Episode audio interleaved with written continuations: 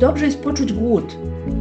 I dopiero wtedy mogę stwierdzić, na co mam ochotę, bo jednak żyjemy w takim dobrobycie, w takiej obfitości, w takim nadmiarze, że to głód jest czymś najgorszym, a to nie musi tak być, no bo może to być mój, pana, państwa wybór, e, co wtedy chcemy, chcemy zjeść i jednocześnie e, samemu o tym zadecydować, bo właśnie ta autonomia i ta odautorskość tych decyzji jest wielkim wyzwaniem współczesnego świata.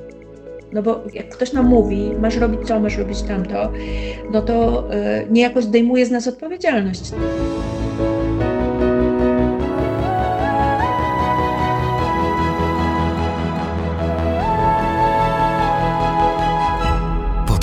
Tygodnika Powszechnego. Weź, słuchaj. Dzień dobry ze studia przy ulicy Dworskiej 1C w Krakowie, studia Tygodnika Powszechnego. Wita Państwa Michał Kuźmiński. Łączymy się dzisiaj z okazji i we współpracy z festiwalem Nowe Epifanie, z promotorką kultury kulinarnej, dziennikarką, twórczynią wydarzeń kulinarno-artystycznych i edukacyjnych, kuratorką kulinarną festiwalu Nowe Epifanie, Moniką Kucią. Dzień dobry. Dzień dobry. Pomyślałem, że na początku y, wyjaśnimy sobie jedną kwestię, y, która często się pojawia, kiedy zaczyna się rozmawiać o poście w kontekście stylu życia. Otóż mianowicie zwykle pojawia się taki dyżurny zarzut albo dyżurne zastrzeżenie, żeby nie mylić postu z dietą, yy, modami kulinarnymi i tak dalej. Więc powiedzmy to sobie od razu. Będziemy rozmawiać o poście i to w sensie ścisłym, aczkolwiek niekoniecznie religijnym, prawda? Rzeczywiście Festiwal Nowe Epifanie daje szansę do tej rozmowy o poście, o definiowaniu go w sensie kontekstach historycznych i współczesnych y, i o takiej rozmowie o antropologii jedzenia w kontekście właśnie zarówno wyrzeczenia, ograniczenia, właśnie tej różnicy pomiędzy słowem dieta a pewien rodzaj wyboru duchowego, etycznego, y, to słowo post pojawia się oczywiście w różnych kulturach i też jest ono zwykle związane, jakoś nacechowane religijnie. Ale nie musi tak być. I też można, e, można mówić o poście w kontekście po prostu autoograniczenia, oczyszczenia. Oczywiście, że tak. I na pewno słowo dieta jest słowem no, znacznie bardziej e, narzędziowym, post jest bardziej pewną też postawą wobec rzeczywistości. A jak to w ogóle jest, że słowa festiwal i słowo post mogą wystąpić w jednym zdaniu? Festiwal Nowe Epifanie, powiedzmy od razu, trwający właśnie w Warszawie od 22 lutego do 2 kwietnia, jest festiwalem innym niż wszystkie, no ale wciąż festiwalem. Cóż festiwal może mieć wspólnego z postem? Festiwal Nowe Epifanie trwa zawsze przez cały Wielki Post, czyli od Środy Popielcowej do Niedzieli Palmowej. Ja zostałam zaproszona w 2014 roku do y, tworzenia właśnie działań kulinarnych wokół festiwalu, przy festiwalu.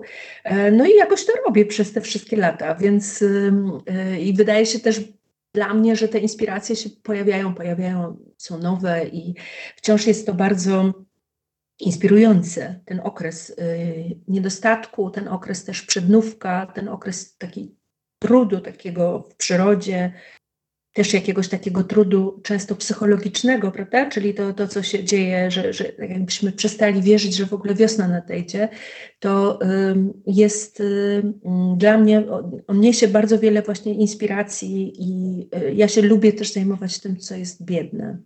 Mm. Zanim, zanim e, zapytam Panią o przednówek i o to, co ze sobą niesie na dobre i na złe, e, to chciałbym poprosić o nakreślenie takiego e, planu ogólnego zagadnienia, jakim jest post. Bo dzisiaj post jest słowem właściwie zdającym się być passe, słowem z jakiegoś dawnego świata. Istotnie wywodzi się on z dawnego świata, z dawnego porządku. Niekoniecznie przystaje do świata konsumpcji, jak lubimy czy uważamy, że w jakim dzisiaj funkcjonujemy. Ale y, jak to tak naprawdę jest y, z postem? Co my jeszcze o nim pamiętamy? Jak to w poście, jak, jak, czym post był, czym post jest dzisiaj? Wiem, że to jest pytanie na książkę. Pewnie tak. No. Jest też zapraszam serdecznie na stronę noweepifanie.pl kulinaria, gdzie jest wywiad z profesorem Jarosławem Dumanowskim e, poświęcony właśnie e, kontekstom historycznym postu, czyli jak to było kiedyś, skąd się w ogóle post wziął, bo e, między innymi post katolicki wziął się stąd, że chrześcijanie pierwsi chcieli odróżnić się od pogan, którzy uczestniczyli w ucztach na cześć właśnie pogańskich bogów, podczas których jedzono mięso. Mięso nie było kiedyś towarem tak dostępnym, jak jest to XX czy XXI wieku. Więc to był jeden z takich elementów odróżniających się. A po drugie, pamiętajmy też, że jednak istnieją takie pokarmy i w ogóle produkty i materia, która jest narzędziem rytuału, czyli świętym czymś, czyli chleb jest święty, wino jest święte, oliwa jest święta. Post był pierwotnie bardzo lokalnym zwyczajem, który ograniczał się do e, basenu Morza Śródziemnego i to wyrzeczenie, które miało prowadzić człowieka do skupienia na sprawach duchowych, było też prostsze w tamtych obszarach, e, ponieważ jednak mm, na północy jest po prostu zimniej i dostępność warzyw na przykład, czy innych produktów no jest bardzo ograniczona w długich okresach roku. Więc tutaj post miał być takim narzędziem duchowej praktyki, która miała na celu jakby skupienie się na wartościach duchowych i na tych, y, tak jakby inspiracją był Jezus, który 40 dni pościł na pustyni, zanim poszedł nauczać. Czyli, jak mówiła mi kiedyś w rozmowie Tessa Kaponi-Borawska, e, no nie da się, z, będąc sytym, mieć duchowych uniesień, nie? że to jest jakby rodzaj też takiego oczyszczenia się e, i właśnie to ma nam dawać to, to przeżycie duchowe, religijne. Co znamy też z innych religii, bo mamy też w islamie, mamy ramadan na przykład, czyli też okresowe niejedzenie, powstrzymywanie się od przyjmowania pokarmów. Więc to, co jest ważne w tym, to jest pewne wykluczenia, które nie są stałe i ograniczenie, które też nie jest stałe. Tym to się różni na przykład od koszeru, prawda, że, że nie jest to e, trwały e, nakaz i zakaz, bo post oczywiście wiąże się z tabu, z, właśnie z zakazem, czyli z tym przecież wiemy, że właśnie reformacja poniekąd zaczęła się od tego, że pewien drukarz zjadł kiełbasę w Wielki Piątek publicznie. Więc e, jaką to ma moc, nie? jaką to ma jednak siłę, ten, ta kwestia właśnie przyjmowania bądź nie pewnych pokarmów w określonym czasie. Jest to też narzędzie do takiej jakby tworzenia działań, zachowań wspólnotowych. Czyli jeżeli wszyscy to robimy w danym okresie, to jakoś nas to łączy, prawda? Jesteśmy wtedy jakoś w tym, też przygotowujemy się do tego świętowania, jesteśmy w tym razem, przygotowujemy się do tego świętowania. No i y, mamy pewny rytualny też podział roku. Oczywiście postu dawniej było znacznie więcej. No i moja prywatna opinia jest też taka, że było to jakoś tam narzędzie też kontroli, tak? To znaczy mhm. takiej jakby mm, próby y, też, też politycznej kontroli E, e, żeby, żeby po prostu e, narzucać właśnie pewne sposoby funkcjonowania ludzi, a my też jesteśmy w tej chwili no, znacznie mniej. Pewne osoby na pewno są bardzo religijne i przeżywają to w sposób ściśle religijny, ale tak ogólnie jako społeczeństwo jesteśmy jednak coraz bardziej zlaicyzowani, więc rzeczywiście te, te kwestie nakazów i, i pewnych ograniczeń i restrykcji narzucane zewnętrznie się rozluźniają. Wspomniała Pani o bardzo ciekawym zagadnieniu. Jakkolwiek oczywiście ideą postu jest nie to, co się je, tylko że się nie je, czy czego się nie je, to jednak istnieją pewne mm, e, typy pokarmów, które są szczególnie e, naznaczone symbolicznie, prawda? które mają znaczenie bądź to rytualne, bądź właśnie niosą za sobą znaczenia. I myślę, że to y, jest w ogóle szerszy temat sakralizacji żywności. Ale jakie są takie pokarmy i ich znaczenia, które wiążą się z naszym kręgiem kulturowym? No na przykład chrzan. Mhm czyli też taki korzeń, który pojawia się jako jeden z pierwszych, jest dostępny, można go wykopać y, i mm, stosować jako przyprawę. On też jest, ma niezwykłe walory zdrowotne, czyli też no jakby w czasach, gdy nie było dostępu do żywności przez cały rok, tak jak dziś, no to miał też takie znaczenie um, prozdrowotne, bo ma dużo witaminy C, właśnie działa antybakteryjnie, działa przeciwzapalnie, ale y, też na przykład podobno podawano go w Wielki Piątek dzieciom, żeby poczuły mękę pańską, czyli że też to jest jednak ten chrzan jest y, y, ostry, prawda, palący, mhm. I być może była to też forma mm, no jakby szczepienia tych dzieci takiego zdrowotnego, prawda? No nie chcę tu dorabiać teorii, ale generalnie wiadomo, że tak jak czosnek, chrzan ma też właśnie te walory, niezwykłe walory zdrowotne, więc jest on takim e, bardzo ściśle w naszym kręgu kulturowym produktem związanym właśnie z, z okresem e, Wielkiego Postu, kiedy też no jakby przyrodniczo no naprawdę jest bieda z nędzą. Jeżeli mielibyśmy się opierać na zasobach ze spiżarni, no to doprawdy e, nie ma się tu specjalnie czego chwycić. Już jakby nic nie zostało z poprzedniego roku.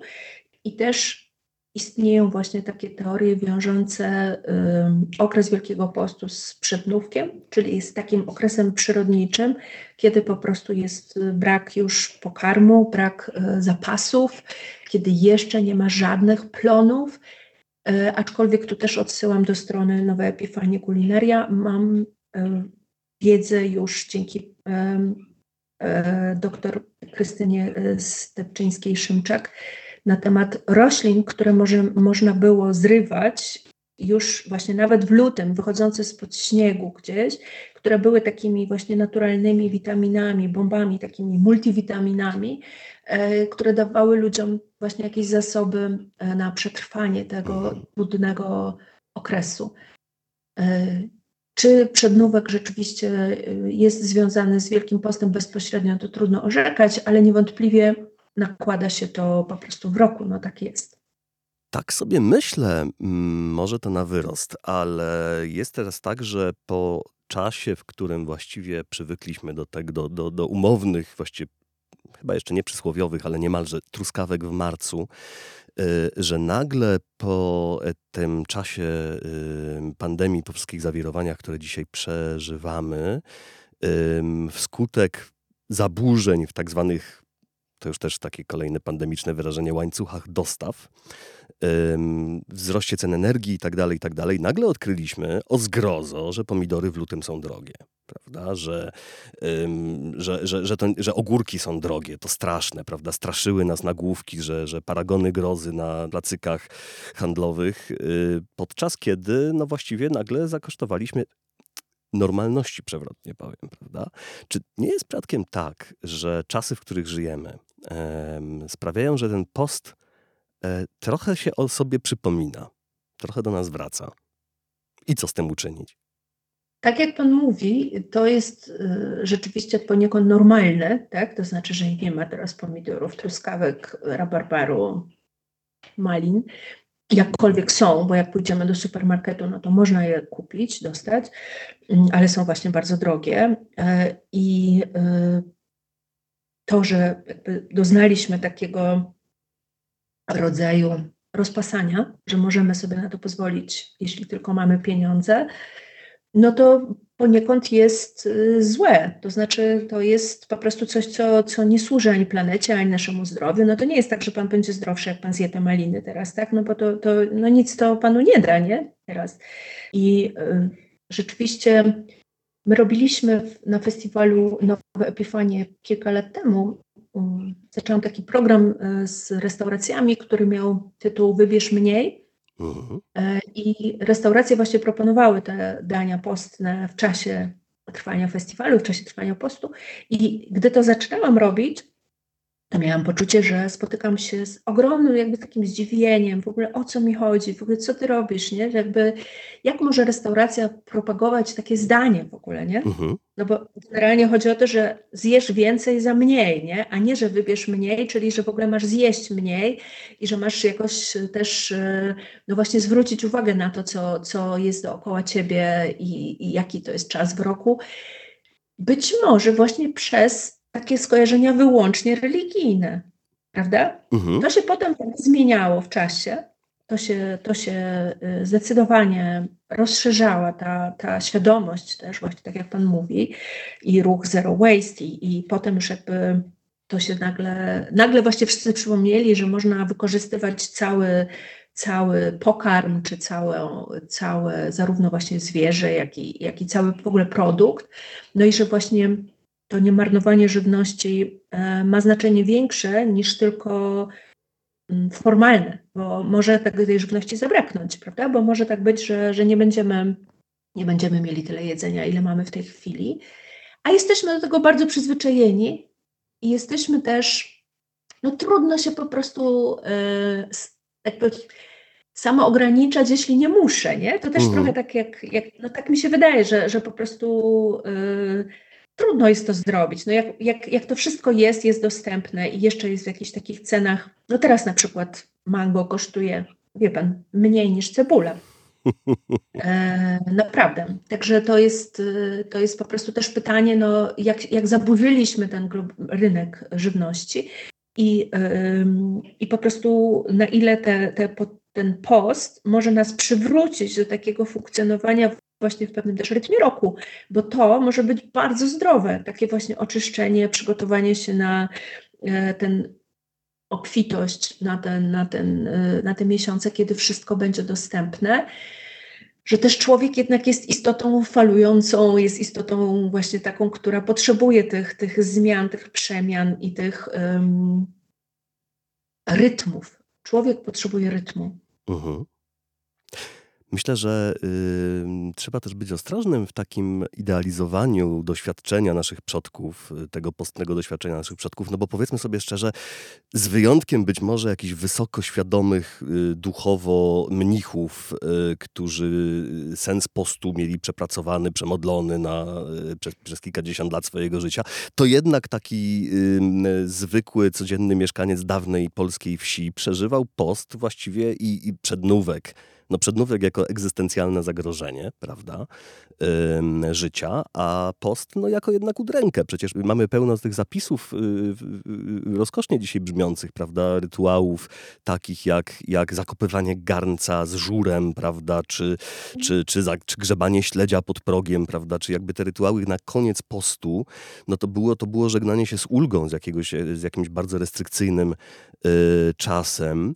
No niemniej y, dzisiaj, kiedy, tak jak pani mówi, my nie musimy, to jednak ten czas, czas kiedy, kiedy można się troszeczkę ograniczyć, prawda, na, przygotowując się na ten czas e, obfitości, no brzmi być może nawet y, jakoś zdrowo. I rozsądnie, nie? To tak. znaczy, że jest to takie mhm. rozsądne, racjonalne.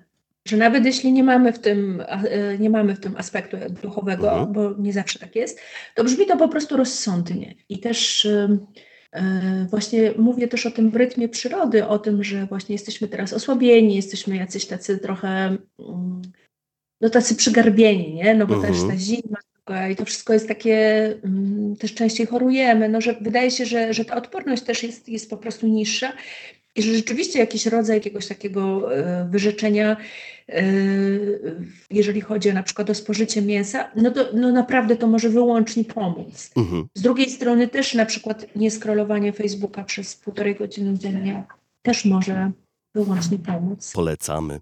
Więc e, tak, także myślę, że myślę, że po prostu jakoś Festiwal też daje szansę na takie też urealnienie tego, tego tematu, tak? że my nie, właśnie tak jak Pan mówi, romantyzowanie tego jest okrutne, bo ci ludzie naprawdę cierpieli i to, to było rzeczywiście, mm, no, myślę, że dla nas po prostu niewyobrażalny był taki brak dostępu do żywności, yy, który dzisiaj no, rzeczywiście no, no, Oczywiście istnieją ubodzy ludzie, którzy nie mają co jeść, ale też ta dystrybucja też tych dóbr jakoś też w drugim obiegu jest też dość duża, prawda? I, I że naprawdę można się pożywić, nawet na zapleczu supermarketu znaleźć dużo rzeczy wyrzuconych, które, które są jeszcze wciąż dobre do spożycia.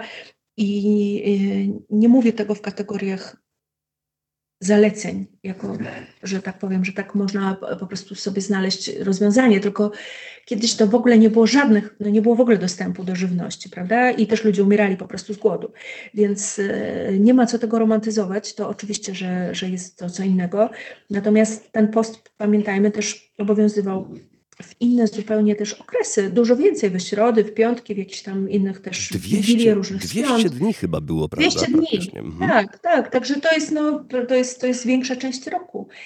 A jednocześnie bogaci ludzie, oczywiście to był wtedy, wtedy jak zresztą zawsze, jakiś znikomy procent y, społeczeństwa, mm, poszerzali sobie ten post, rozszerzali go, to znaczy sobie pozwalali na różne rzeczy, na, na produkty pewne, bo też pamiętajmy, że jeżeli mówimy o podziale na to, co jest dozwolone i co nie, obowiązywały zupełnie inne zasady, ponieważ e, obowiązywała dietetyka humoralna na przykład, Mhm. mówimy tam o XVI-XVII wieku, czyli były potrawy zimne i gorące. W poście nie można było jeść potraw gorących, które, miały nas, które nas pobudzają, które są jakoś takie przywoł, jakby do grzechu nas skłaniają. Mhm. Ale zimne będą też na przykład, będzie bóbr, kaczka, no bo to jakby one pływają w wodzie. Więc też nie, nie możemy tego jeden do jednego przykładać teraz do naszych, naszej wiedzy, czy naszej wręcz też nomenklatury, bo ona jest jakąś też umowną nomenklaturą, prawda? To, co, to, co my dziś nazywamy mięsem. I y, też nie ma się co tak upierać, że to jest jedyna właściwa, no bo, bo po prostu no tak się umówiliśmy.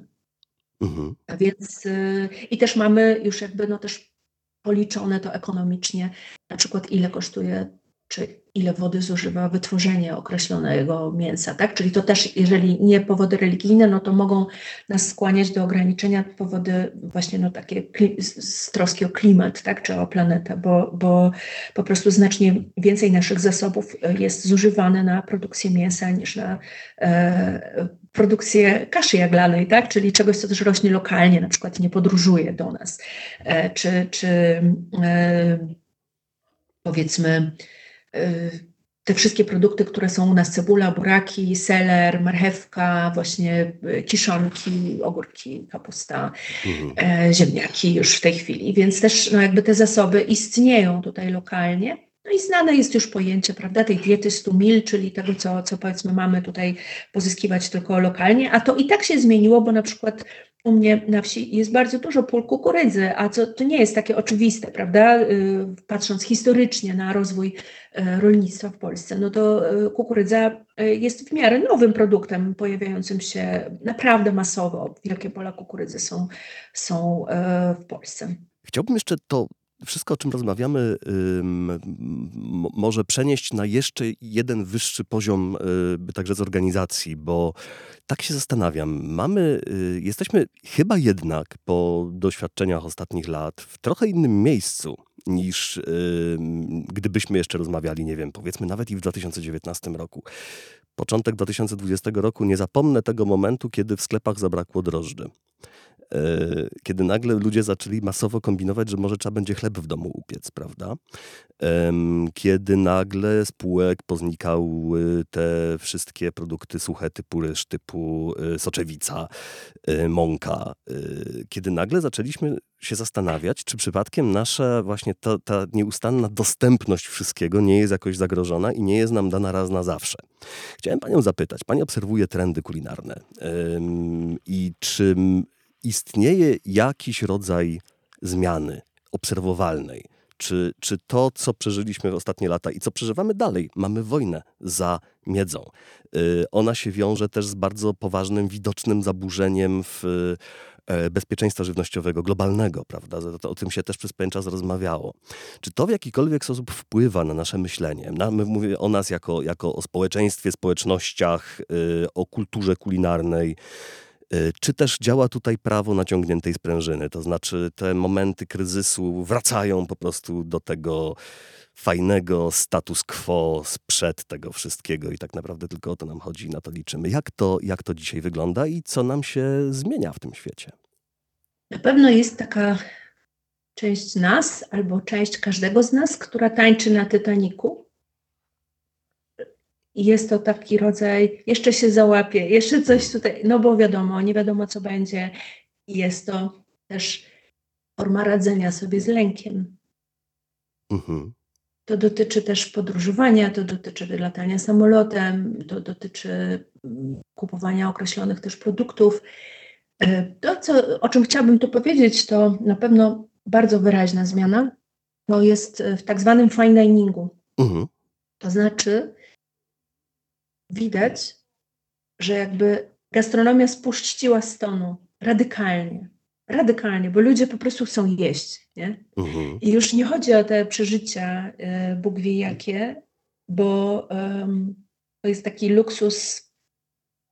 Oczywiście, że istnieją nadal restauracje z wyższych półek, oczywiście, i też jest zapotrzebowanie na różne jakby okoliczności, czy na różne przeżycia, no też ludzie mają pieniądze, ale zdecydowanie, proszę zobaczyć, zamknęły się w Polsce te restauracje y, z gwiazdkami Michelin w czasie pandemii. Tak. Utrzymywanie ich było, jak rozumiem, niemożliwe po prostu, niemożliwe, że to ten poziom właśnie luksusu już był nie do utrzymania w kontekście ewentualnego popytu, no bo ludzie już jakby, no tak jak Pan mówi, jak rozmawiamy o tym, że nie ma soczewicy, ryżu, drożdży, no to trudno tu się skupiać nad kroplami i nad pyłem i nad, y, nie wiem, aromatyzowaniem ogórka. No po prostu jakby to już nie jest o tym. Moim zdaniem e, e, pandemia też bardzo poprawiła jakość gastronomii w Polsce, bo ludzie, bardzo ludzie musieli się starać, Mhm. żeby sprostać tym oczekiwaniom y, odbiorcy. Y, I pojawiły się bardzo dobre takie restauracje właśnie z takiej wyższej średniej półki, czyli że mamy bardzo dobrą jakość jedzenia za takie powiedziałabym dość przystępne pieniądze. E, no i na, na, pewno no to, co też to jest oczywiste, że bardzo, bardzo rozszerzył się rynek dostaw, czyli że jemy jedzenie w domu, Mhm. które jest kupione w restauracji, czyli że to się, to się, to się na pewno bardzo e, rozszerzyło, że na, na, nabraliśmy też tych nawyków, których nie mieliśmy pewnie w takiej skali, jak to było przed pandemią. To, to na pewno nie, nie, nie było tak. I też wielcy szefowie kuchni e, mówią otwarcie, jawnie właśnie o wykorzystaniu produktu. Już nie wypada pewnych rzeczy robić. To jest super. Po Mhm. prostu nie wypada wykrawać kółka i wyrzucać resztę, nie? Tak. Że to jest też rzeczywiście wielka zmiana. E, I też e, takie projekty, które właśnie no, mają na celu e, jakby rozdanie na przykład tej żywności, która zostaje, no bo to jest wielki temat, tak jak Pan wie, no, w hotelach po śniadaniu, ile zostaje żywności, prawda? I co można z nią zrobić? Czy można ją dać ludziom, którzy po prostu tej żywności potrzebują? To jest na pewno jedna rzecz. Jest też na pewno dużo takich trendów właśnie. Bardzo to się nasiliło, tych lokalnych, z wykorzystaniem lokalnych, regionalnych produktów, z poszukiwaniem tradycji. Wszyscy jesteśmy też, no, chyba tak można powiedzieć, no w takim też jakimś tam kryzysie tożsamościowym, prawda? Też przez podziały społeczne i przez to, że no zawsze lęk też powoduje więcej takiego w ogóle skupienia na tym, żeby się jakoś określić, tak? Czyli kim ja jestem, po jakiej jestem stronie, co ja robię i tak dalej. Więc myślę, że tutaj bardzo e, to też e, e, jakby sprzyja właśnie takim poszukiwaniom w obrębie tradycji. My też robimy takie przepisy historyczne na stronie, są filmy mm, z wykorzystaniem właśnie dawnych książek kucharskich. Dla mnie one są bardzo inspirujące, bo one są na przykład taka, taka Ćwierczakiewiczowa, Ochorowicz-Monatowa, czyli mhm. mówimy o przedwojennej kuchni. Mówimy też o bardzo popularnej pisarce, ta Ćwierczakiewiczowa, to była jakaś niezwykła zupełnie postać świata gastronomii. E, ona sprzedała więcej książek niż Henryk Sienkiewicz, tak. natomiast rzeczywiście to jest wszystko właśnie w duchu zarówno zero waste, jak i w duchu rozsądku w ogóle w gospodarowaniu swoimi zasobami.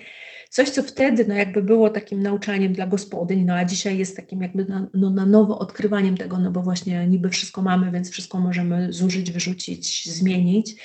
Więc myślę, że to też w gastronomii jest widoczne. Pewnych rzeczy naprawdę nie wypada. To jest akurat super. I też no myślę, że bardzo, bardzo dzięki wielu ludziom, wielu ruchom po, po, pogłębia się ten, ten ruch wegański, ten ruch taki który ma na celu i troskę o planetę, i troskę o zwierzęta, i troskę o nasze zdrowie. Rzeczywiście tych miejsc i tych tej oferty wegańskiej no jest nieprawdopodobnie duża, prawda? To też jest tak, że, że mięso też drożeje, więc więc też myślę, że, że mm, ta oferta się też bardzo poszerza, jeżeli chodzi o odbiorcę, że to już jakby też jest dla znacznie szerszego kręgu odbiorców przygotowana oferta. Ja tutaj dodam zastrzeżenie, że oczywiście to się poszerza nieporównywalnie jeszcze z powiedzmy okresem sprzed paru lat. Niemniej y, kult mięsa chyba ma się dobrze. Moja żona jest wegetarianką i y, panie i panowie reprezentanci gastronomii, cholernie przykro jest iść z żoną do knajpy i patrzeć, jak ona nie może nic wybrać. Nic, naprawdę. Albo na, nie wiem, jedną sałatkę, albo leniwe pierogi. No, no na miłość boską. To jeszcze chyba jest jednak daleko przed nami. To jest ciekawe właściwie, że my wpadamy w, tego, w pewnego rodzaju skrajności. Znaczy albo y, y, zaczynamy opowiadać sobie o jedzeniu robaków, albo robimy sobie zdjęcia z wielkimi stekami, prawda? A pani mówi o rozsądku i o drodze środka, którą y, rozsądna y, kuchnia roślinna dość dobrze chyba reprezentuje. A to też jest postne. Oczywiście, tak, tak. To jest, to jest zdecydowanie tak, no to jest zdecydowanie kuchnia postna, jeżeli chcemy używać tego kryterium i to jest ścisły post obrębie ograniczenia, czyli jeżeli nie ma nabiału, no to to jest wtedy ścisły post. Mm, tylko, że weganizm jakby wychodzi z zupełnie innych założeń i jest też jakby decyzją postawy pewnej, a nie okresowego wyrzeczenia. Mhm. Natomiast y, być może ja po prostu mówiłam o Warszawie, być Aha. może. Rzeczywiście w takich tam europejskich rankingach Warszawa nad, wypada bardzo dobrze, jeżeli chodzi o liczbę miejsc właśnie, które, które są stricte wegańskie. E, myślę też, że mhm. ogólnie też y, rozumiem, co Pan mówi. Być może rzeczywiście w wielu miejscach jest tak, ale też no jednak 15 lat temu to by było opcja pod tytułem caprese, tak? To znaczy, że to właściwie no, już nic innego, nie? O, 15 I, lat i temu teraz... to proponowano jeszcze na przykład rybę. Albo rybę, tak. tak. No ale też to jest kwestia tego porządku społecznego właśnie, który sobie E, przyjmiemy, e, że e, właśnie co jest tym mięsem, co jest jakby obszarem naszego wykluczenia, które też proszę zauważyć, weganizm to jest osobista decyzja, post to jest decyzja nawet nie kolektywna, tylko decyzja narzucona, tak? Mhm. Czyli ona, jeżeli jesteś członkiem jakiejś społeczności, to stosujesz się do tych zasad, czyli w określonych okresach roku ograniczasz zarówno jedzenie mięsa, słodyczy, alkoholu, chociaż alkohol, no powiedzmy w XVIII wieku, no to to nie było żadne, to nie było coś, co było zabronione w czasie postu, więc to też się zmienia. E, a jeżeli jesteś, e, jeżeli ktoś jest wegetarianinem bądź weganinem, no to, to jest jego osobista decyzja, że on po prostu tego, tych produktów nie przyjmuje i na przykład mówi, nie jem niczego, co ma oczy. I to mhm. też jest jakieś no, e, też jest jakaś taka wtedy jasna deklaracja, że łatwiej temu kucharzowi czy komuś, kto obsługuje taką osobę, sobie wyobrazić, czy może podać mu rybę, zaproponować takiej osobie rybę, czy nie. Y, to jest właściwie chyba dobra wskazówka nam się tutaj formułuje. Może to jest tak, że w czasach, kiedy nic i nikt nam już nie narzuca formalnie postu, prawda? Jakby nie ma tego, tego rygoru społecznego, yy, takiego czy innego, yy, z takich czy innych przyczyn nakładanego, yy, to y, jednak warto sobie pewnego rodzaju ograniczenie nałożyć samemu. No to jest też pytanie, na ile my tutaj mamy zarządzać y, zbiorową wyobraźnią. Hmm. Y, I mam tu na myśli to, że, że mm, dla mnie bardzo ważny jest też taki powrót do siebie i do takiej właśnie samoregulacji, czyli do tego, żebym ja stwierdzała, co mi jest potrzebne i żebym ufała tej swojej intuicji i żebym wiedziała, że teraz to mi jest potrzebne, a teraz mi jest to potrzebne, że posłużę się przykładem być może e, prowokacyjnym, ale jeżeli krowa jest wypasana na łące, która jest naturalna, a nie monokulturowa, no to ona będzie doskonale wiedziała, co ma zjeść, żeby się dobrze mhm. czuć, nie? Mhm. No bo po prostu potrafi wybrać te rośliny, że jak ją boli brzuch, czy jak, nie wiem, będzie rodzić cielaki, no to po prostu wybiera inne rzeczy. My kompletnie straciliśmy tę intuicję, kompletnie.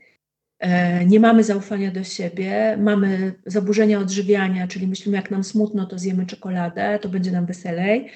E, I e, też myślę sobie, że, że właśnie fajnie jest też to, co też my zawsze naprawdę mówimy też w festiwalu, że dobrze jest poczuć głód, nie? czyli mhm. że najpierw, że jestem głodna i dopiero wtedy mogę stwierdzić, na co mam ochotę, bo jednak żyjemy w takim dobrobycie, w takiej obfitości, w takim nadmiarze, że to poczucie głodu jest w jakimś sensie, y, no jeszcze też przez jakby taką traumę wojny, mówię o II wojnie światowej, czyli o mhm. takim przeżyciu wspólnym, wspólnotowym, historycznym, społecznym, no to głód jest czymś najgorszym, nie? Że w ogóle nie, a to nie musi tak być, no bo może to być mój, pana, państwa wybór, y, co wtedy chcemy, chcemy zjeść i jednocześnie y, samemu o tym zadecydować, bo właśnie ta autonomia i ta odautorskość tych decyzji jest wielkim wyzwaniem współczesnego świata. No bo wie pan, jak, jak ktoś nam mówi, masz robić to, masz robić tamto,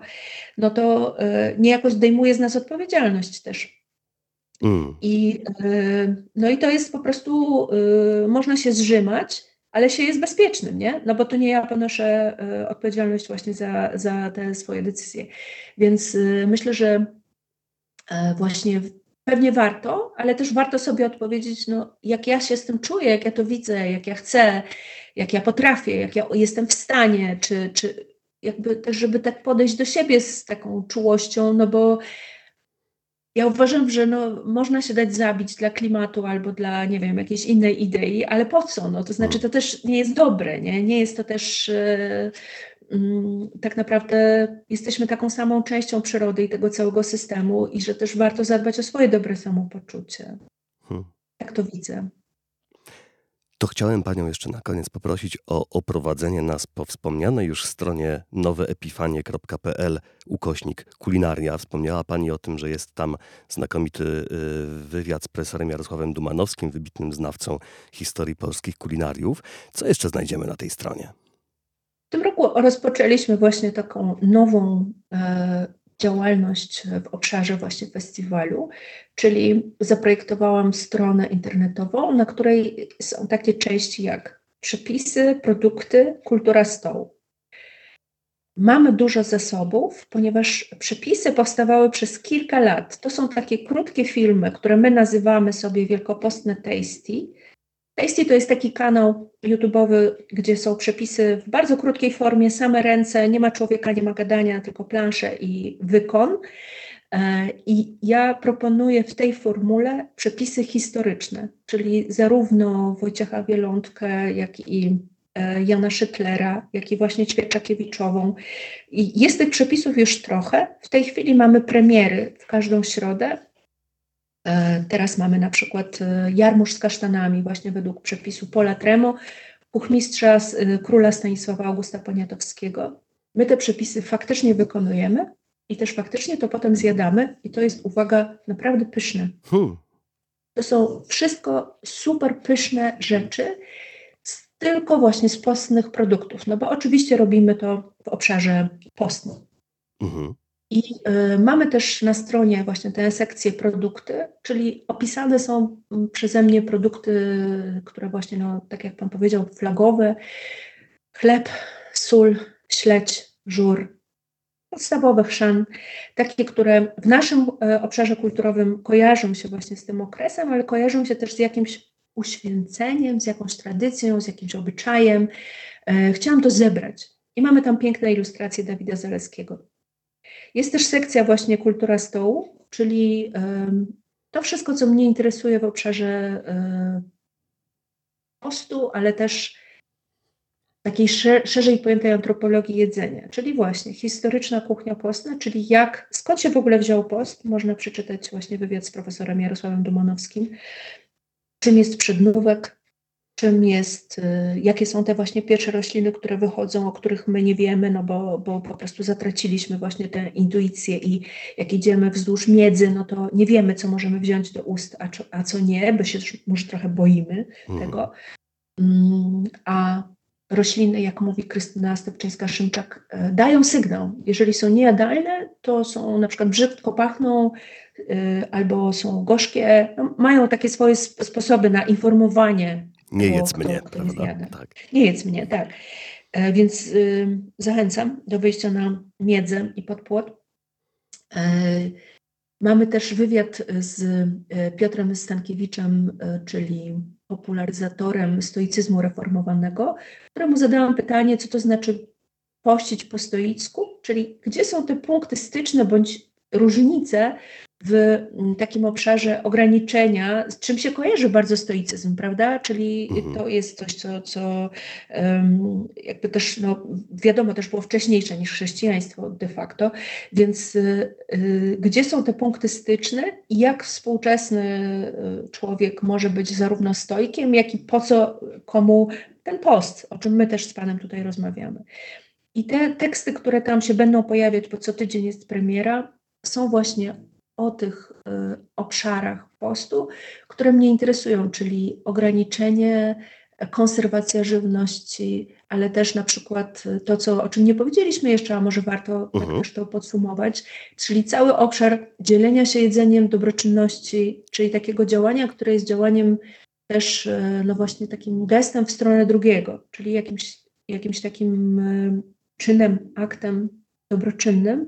My robimy, e, też mamy taką tradycję na festiwalu, że robimy warsztaty dobroczynne, czyli e, przygotowujemy jedzenie dla podopiecznych wspólnoty Sanegidio, e, ludzi w kryzysie bezdomności, ludzi ubogich, z którymi ta wspólnota, których ona, ta wspólnota nazywa swoimi przyjaciółmi i ma bardzo piękne relacje z, z nimi. I jest to też taki akt wspólne, że możemy to po prostu zrobić razem. W tym roku będzie to w niedzielę palmową 2 kwietnia o 11 na Foxal. Ja nazwałam te warsztaty w tym roku Power Jour, bo będziemy się uczyć, jak się robi zakwas na żur mhm. i, i, to jest też taki element właśnie no, tego wzmocnienia, tego, tego takiego dania sobie e, tych dobroczynnych bakterii i tego, tego po prostu takiego dobra lokalnego naszego, ale też właśnie podzielenia się tym jedzeniem i, i nakarmienia ludzi w potrzebie, żeby ich też zobaczyć, żeby ich e, jakoś przyjąć, no, po prostu być e, też e, w tym, w tym obszarze właśnie tego wielkiego postu, w, tym, w tej swojej przestrzeni serca. Kiedy mówimy o tym doświadczeniu ostatnich lat, to właściwie teraz też mi się nasuwa, że być może jedno z takich najbardziej niezwykłych doświadczeń to było to, kiedy zaczęła się y, straszliwa wojna w Ukrainie, y, kiedy do Polski zaczęli przybywać uchodźczynie i uchodźcy. W bardzo wielu ludziach uruchomił się taki odruch karmienia, prawda? Odruch dzielenia się jedzeniem, tą pierwszą potrzebą. I być może to jest też taka, być może najważniejsza rzecz na post, że jakby jedzenie, my jesteśmy tak bardzo mocno osadzeni już w tej kulturze dogadzania sobie, sybarytyzmu, prawda? Że jedzenie nie jest tylko o mnie, prawda? Jedzenie jest wspólnotowe. I też proszę pamiętać, że to jest też o tym, to jest bardzo w ogóle dla mnie super, jest też ciekawe, że XX wiek, a, ale myślę, że no XXI szczególnie wytworzył kulturę porcji. Mhm. Czyli, że mam, to jest dla pana, to jest dla pani, to jest dla mnie, to, nie? że nie dzielimy się, że mamy pół misek i oczywiście to się zdarza, no nie mówię, że w ogóle nie, ale jednak kwestia tego, że, że w ogóle jest tak ściśle to określone, to jest moje, nie, to jest takie zindywidualizowane, jest to przystosowane, są też normy na to, ile tam mięsa, czegoś. Wiadomo, że też to służy handlowi, obrotowi żywnością, to wiadomo, ale rzeczywiście to, co Pan mówi, że jeżeli kogoś zapraszamy do stołu, no to dzielimy się z nim tym, co mamy, rozmnażamy też tę żywność, bo warsztaty dobroczynne za każdym razem to pokazują, że ta żywność się cudownie rozmnaża po prostu.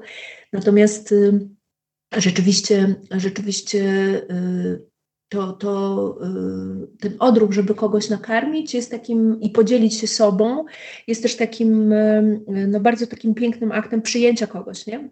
Czymś takim, że, że ja mówię, też ten ktoś ma zaufanie, że ja go chcę nakarmić i chcę dobrze dla tej osoby, a jednocześnie ja też dzielę się sobą, więc stąd też pewnie odruchowo właśnie, odruchowo właśnie robimy to mm, w wypadku y, uchodźców. No, myślę, że, że ta, ta strefa też ludziom tak po prostu przychodziła do głowy, bo też psychicznie często jest trudno to ogarnąć nie? i tak poradzić sobie psychicznie, żeby mhm. rozmawiać z taką osobą, no bo ja nie mam takiego doświadczenia, więc jak dam zupę, no to przynajmniej coś zrobię, nie? a tak to, to, to trochę też nie wiadomo jakby przypuszczam, jak się zachować. Więc, y, więc ten, ten obszar jedzenia i poznawania się też nawzajem jest zawsze e, e, no jakby w dziesiątkę, no, że jeżeli chcemy kogoś jakby zaprosić do naszej kultury, no to też często robimy to poprzez, poprzez jedzenie, prawda? Czy jeżeli chcemy poznać jakąś kulturę, to też robimy to poprzez, poprzez właśnie te zwyczaje kulinarne i, i pokarmy i dania. To chyba nie są y, utrwalone w kulturze życzenia, ale chyba można sobie życzyć dobrego postu, prawda? O, wspaniałe, wspaniałe, bardzo wspaniałe. Dobrego postu Wspaniałe Państwu życzenia. życzymy wobec tego. Dobrego postu Państwu. Więcej o programie kulinarnym festiwalu na wspomnianej już stronie noweepifanie.pl ukośnik kulinaria. Hasłem tegorocznego 14 tegorocznej edycji festiwalu Nowe Epifanie jest Otchłań przyzywa otchłań. Festiwal rozpoczął się 22 lutego, potrwa do 2 kwietnia w programie premiery teatralne, pokazy gościnne, wystawa, nawet potańcówka, koncerty muzyki dawnej oraz oczywiście kulinaria. Y, Kuratorką tego pasma kulinarnego festiwalu jest nasza dzisiejsza gościni Monika Kucia. Bardzo serdecznie dziękuję za rozmowę. Bardzo dziękuję. Wszystkiego dobrego.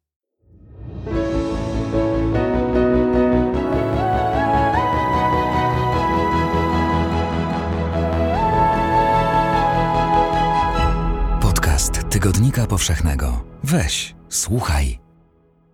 Kup Tygodnik Powszechny na stronie tygodnikpowszechny.pl i sprawdź swoją zniżkę z kodem podcast.